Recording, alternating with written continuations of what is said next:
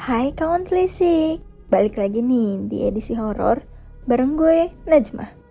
Cerita kali ini datang dari seorang yang tinggal di Jakarta. Kita panggil saja dia Alin. Alin, seorang mahasiswi biasa. Ia punya hidup yang adem ayem tanpa adanya sesuatu yang janggal dan aneh dalam hidupnya. Namun suatu ketika, keadaan tersebut berbalik. Pengalaman menyeramkan mulai hadir mengisi hidup Alin sejak ia membantu sang paman untuk menjual apartemen yang dipunyai. Nah, penasaran gak gimana kisah Alin? Stay tune terus di podcast ini Ruang Telisik. Tahu linguistik pasti asik.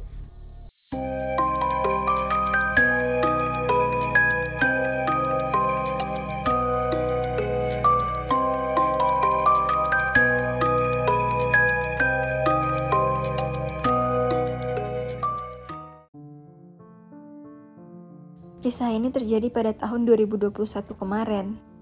Awalnya, Alin dimintai tolong oleh sang paman yang baru saja pindah keluar kota untuk menjual properti yang dia punya, yakni sebuah apartemen di suatu daerah terkenal Jakarta.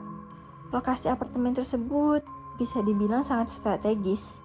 Tak hanya strategis, apartemen tersebut juga tergolong apartemen yang bagus menurut Alin. Namun anehnya, tidak ada orang yang tertarik untuk membeli atau menyewa unit apartemen itu. Alin, yang kebetulan mengerti masalah marketing ditunjuk oleh sang paman untuk membantu dengan dijanjikan imbalan sejumlah uang jika apartemen itu laku.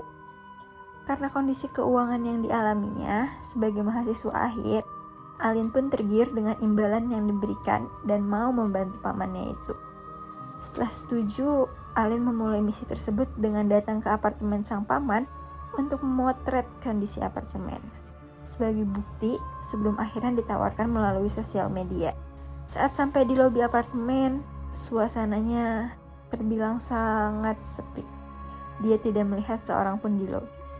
Namun, Alin tidak memiliki pikiran buruk tentang itu. Dia beranggapan mungkin saja apartemennya terlalu mahal, hingga akhirnya menjadi sepi. Karena yang ia tahu, unit yang dimiliki pamannya ini merupakan unit yang besar. Dengan tiga kamar tidur yang pastinya harganya pun tidak murah, maka tidak heran jika susah mencari pembeli. Alin memutuskan untuk naik ke lantai 20, di mana unit milik pamannya ini berada. Sesampainya di lantai tersebut, Alin merasakan hal yang tidak nyaman. Selain terasa amat sepi, Udara di lorong lantai tersebut juga terasa panas. Mengesampingkan hal tersebut, melangkahlah ia ke ujung lorong, tempat di mana unit sang paman berada dan memasukinya. Begitu masuk ke unit tersebut, Alin ingin segera menghidupkan AC. Namun sayangnya, ia tidak menemukan remote AC yang dicari. Akhirnya, ia membuka pintu balkon untuk mendapatkan sirkulasi udara. Alin menangkap beberapa foto di apartemen itu. Hingga akhirnya Alin merasa udara di apartemen menjadi lebih dingin. Alin menyadari bahwa AC yang ada di apartemen tersebut menyala dan pintu balkon yang tadinya dibuka sudah tertutup. Saat itu, Alin berpikir, "Oh, pantas saja dingin." Namun setelahnya, dia menyadari bahwa situasi tersebut janggal. Ia tidak ingat kapan dia menyalakan AC dan menutup pintu balkon, tapi tidak diambil pusing. Alin hanya mengabaikannya saja. Malam itu, Alin memutuskan untuk menginap di apartemen sang paman. Kondisi apartemen yang berdebu akibat tidak ditinggali membuat Alin mulai membersihkan apartemen dan mengganti spray di salah satu kamar. Saat mengganti spray, Alin mendengar suara tangisan anak kecil dari lorong apartemen.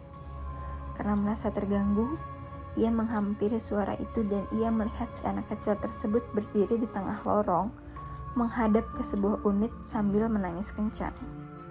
Alin mengira anak itu adalah salah satu anak penghuni lantai yang sedang dihukum oleh orang tuanya. Makanya ia berada di luar.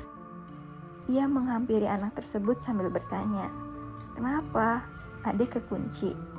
Anak tersebut hanya mengangguk sambil terus menangis.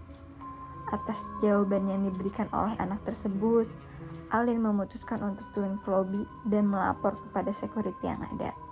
Yang mengherankan, adalah jawaban dari sang security saat itu membuat Alin diam seketika.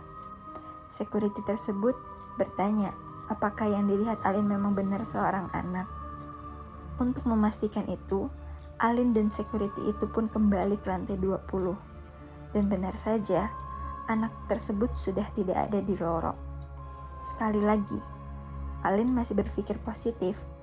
Mungkin saja sudah dibawa masuk oleh orang tuanya. Ia pun berterima kasih kepada security dan kembali ke unit milik pamannya. Menjelang tidur, Alin membersihkan diri terlebih dahulu dengan berendam di betap yang ada. Saat berendam, ia mendengar suara banyak orang yang berteriak sangat keras sambil berlarian di area lorong apartemen. Alin merasa bingung dan panik. Ia segera keluar dari kamar mandi. Di benaknya, ia bertanya-tanya, ada apa sebenarnya?